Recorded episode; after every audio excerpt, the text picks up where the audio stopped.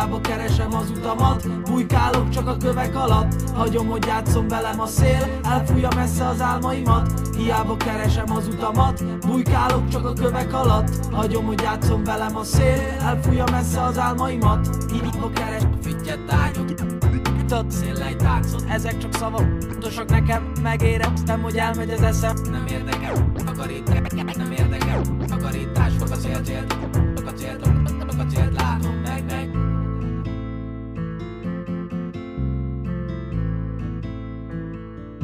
És akkor, ha már a vitáról vitatkozunk, tehát most, most mi itt a tiszteletet emeljük ki mindketten, tehát ez esetben oly szinten szerencsések vagyunk, hogy, hogy ebben nem fogunk vitatkozni. De mit, mit, mit kezdünk azzal, hogyha valaki nem tartja fontosnak ezt a tiszteletet, hogyha más, más, más kapcsán vitatkozik, vagy más, más mentén építi fel a vitát. Hát ugye, ha az elmúlt egy év YouTube történéseire gondolok, ugye, ami a Cringebait podcast begörökített, akkor annak az a nagy tanulsága, hogy mémelni, mémelni, mémelni, viszont ugye a mémelés, vagy trollkodás, az egy ugye egy nekünk 20 éveseknek egy sajátosságunk, sajátos nyelvezetünk, amit az idősebb generáció nem biztos, hogy megért. Meg ott is nagyon éles a határ, hogy mi az intelligens, okos visszaszólás, avagy pusztán, ha ő öven alul üt, akkor én egy gyomorszájon. Igen, mert ez nagyon, tehát ez nagyon sokszor felmerül bennem kérdésként, hogy ugye, hogyha valaki elkezd velem személyeskedni, és én elkezdek visszaszemélyeskedni, akkor én se vagyok jobb a Deákné Vásznánál, én se vagyok különb, és, és akkor ugyanazt, tehát hogy akkor saját magamat köpöm szembe, hiszen az általam fontosnak tartott tiszteletet nem tartom be.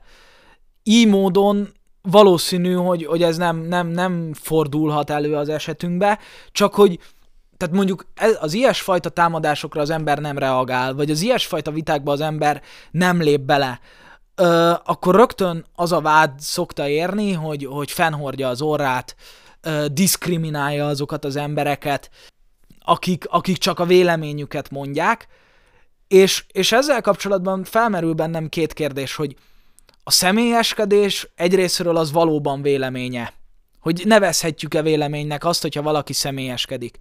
Másrésztről felmerül bennem az a kérdés, hogy mit, mit nevezünk diszkriminációnak? Tehát, hogy ebben az esetben ez valóban diszkrimináció? Valóban diszkrimináció, ha nem megyek bele egy olyan helyzetbe, ami az én szabályaimnak nem felel meg, vagy amit én nem tartok korrektnek? Figyelj, nekem most az legelső legelőször az jutott eszembe, hogy bűne, ha azt mondom, hogy tegyük föl, a zöldszemű barna hajú lányok nekem nem tesztenek. És hogy ha nagyon sarkítom, akkor igen, ez személyeskedés, kirekesztés, hémsominiszta is vagyok akár, de ha jobban belegondolok, akkor inkább azt mondom, hogy nem áll, hogy emiatt legyek ez a három egyszerre. Nagyon nehezet kérdezel, és csak nagyon halvány határvonalakat látok benne. Hát valószínű azért nem tudom jól megfogalmazni a kérdést, öm, hiszen erre a, tehát erre a gondolatra, ami a fejemben van, még nekem sincsen válaszom, ö, tapasztalataim vannak, amikor úgy olyasmivel kötnek belém, vagy akár itt, itt ö, beszélhetünk a csoportról is, olyan dolgokat hoznak fel ellenünk ö, támadásként, amire az ember nem tud észérvek mentén válaszolni, amire igaziból nem feltétlen tudom, hogy mi a, mi a helyes reakció, hiszen esetünkben, ugye csak a hallgatók kedvéért, hogy vázoljam a, a témát, tehát esetünkben ugye az a kérdé, vagy, vagy az a probléma, hogy mi ugye fiatalok vagyunk, és ez nagyon nagy ütési felületet ad, főleg az idősebb generációnak, mert az idősebb generáció azzal fog érvelni, hogy fiatal vagy, nem látsz rá eléggé, ne foglalkozz ezzel, hülye vagy még hozzá, és ezek ezekre a kérdésekre nem tudsz objektívan észérvek mentén válaszolni, mert, mert mit mondjak, hogy, hogy de én nagy vagyok, ha kicsi vagyok és székre állok, akkor igenis nagy vagyok. Tehát ez, ez egy ugyanolyan partalan vita, hogyha az ember erre reagál, de viszont, ha meg nem reagál rá az ember, akkor meg, be, akkor meg azért kötnek belé, mert hogy miért nem. Ti akartok vitatkozni, reagáljatok a felvetett kérdésekre. És igaziból ez a téma, ami kapcsán kérdezek, és lehet, hogy nem találom a jó kérdést. És ehhez, tehát ehhez a, tehát ezzel, kapcsol, ezzel kapcsolatban sokszor találkozhatunk olyannal, akár Facebook csoportokban, akár a való életben, akár a politikában, hogy az ember egy idő után képtelen változtatni a, a gondolataink, és szajkozza ugyanazt, személyeskedik, és tulajdonképpen a vita át, átmegy itt szerintem a, a vitának a veszekedés aspektusába, amikor már tök mindegy, hogy mit mondok, valamit a másik fejéhez vágok, ami lehetőleg neki nagyon fáj. Csak ezzel kapcsolatban felmerül bennem a kérdés, hogy sokan úgy gondolják, hogy elftelenség megváltoztatni a gondolkodásunkat. Elftelenség azt mondani, hogy belátni azt, hogy mondjuk most, most a másiknak van igaza.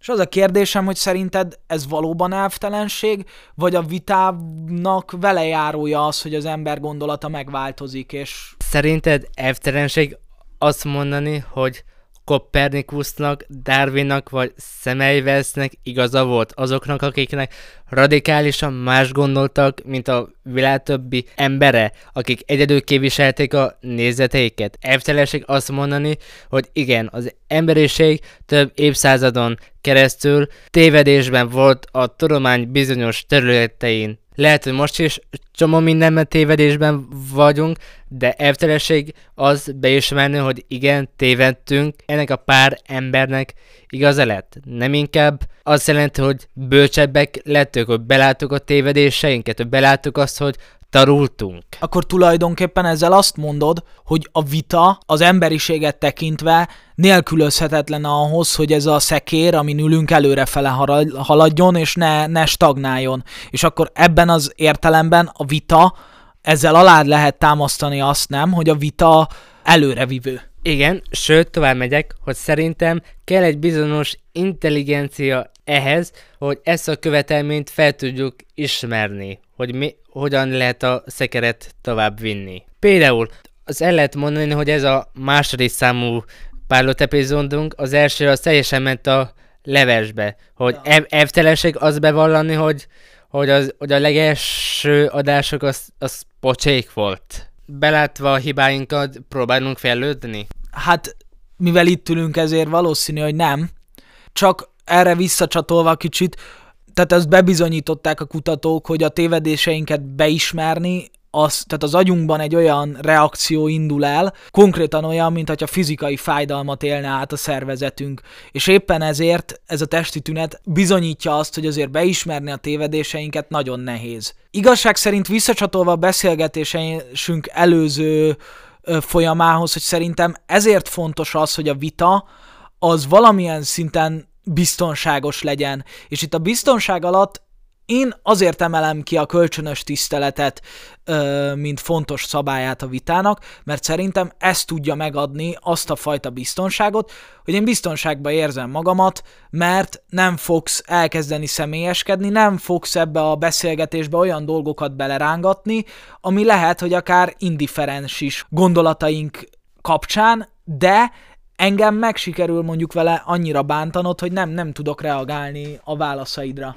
Nekem viszont az a véleményem, hogy nem arról van ez szó, hogy az embernek akkor az egója, hogy mindent bevet, akár a személyeskedést is, azért, hogy leplezze a saját hibáit. Minden agyas eszköz hallandó bevetni.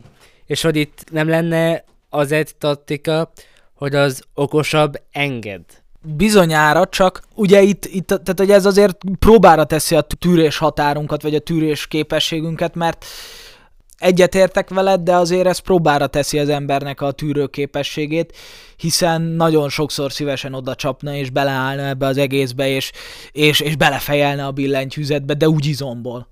Itt, itt a vita, vita során ez a, ez a kérdés, vagy, vagy ez a gondolat, ez állandóan így vissza, visszagörög.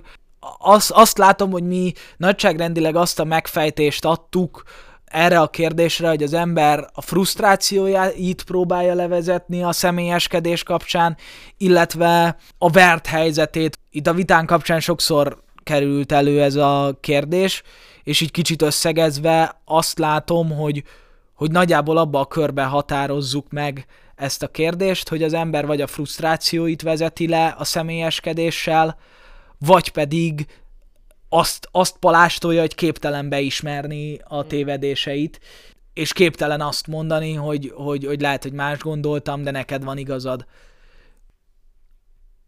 Szerinted ez így ennyi elég? Tehát, hogy Aha. most már a lezárást így... Persze. Megvan az egy gyórányi nyersanyag. Ja, abból lesz, lesz fél. Nagyon rossz. most ebből... Kivágom úgy, hogy csak, csak az egyikünk, meg csak a másikunk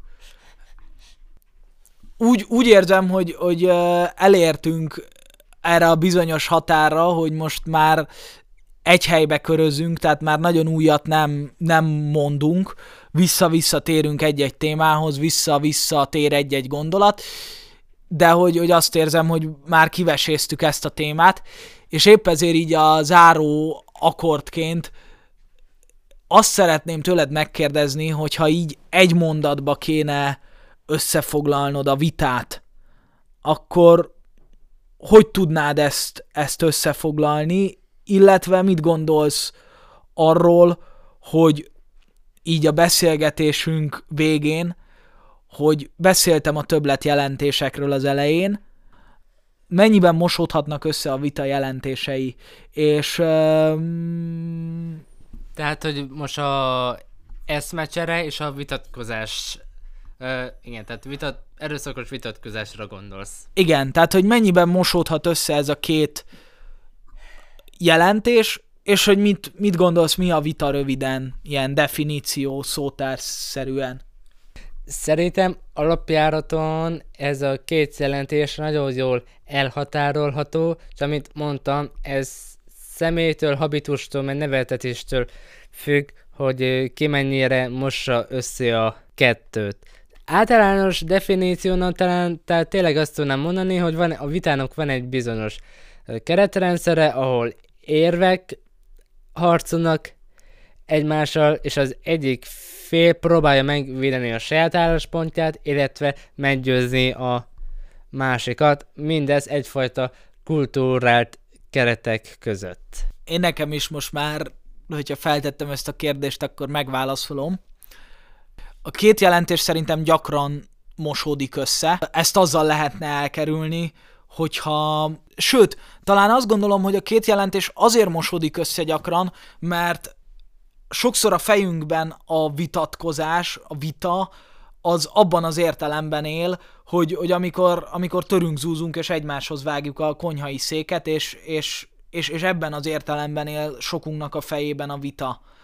És ezért nehéz szerintem definiálni a vitát, hiszen mikor ezt a podcastet összeállítottuk, már akkor is a fejembe állandóan kattogott a két jelentés, és sokszor összemosódtak a határok, sokszor éreztem azt, hogy, hogy nem nagyon tudom eldönteni ilyen élesen, hogy, hogy melyik melyik, hiszen azt tapasztalom, hogy, hogy főleg az ilyen Facebook meg internetes oldalakon a két jelentés nagyon erősen összemosódik, és, és egy, egy, egy eszmecsere át, átjut a tényleg székdobálós és egymást utálós és a másik megsemmisítésére irányuló ö, vitává.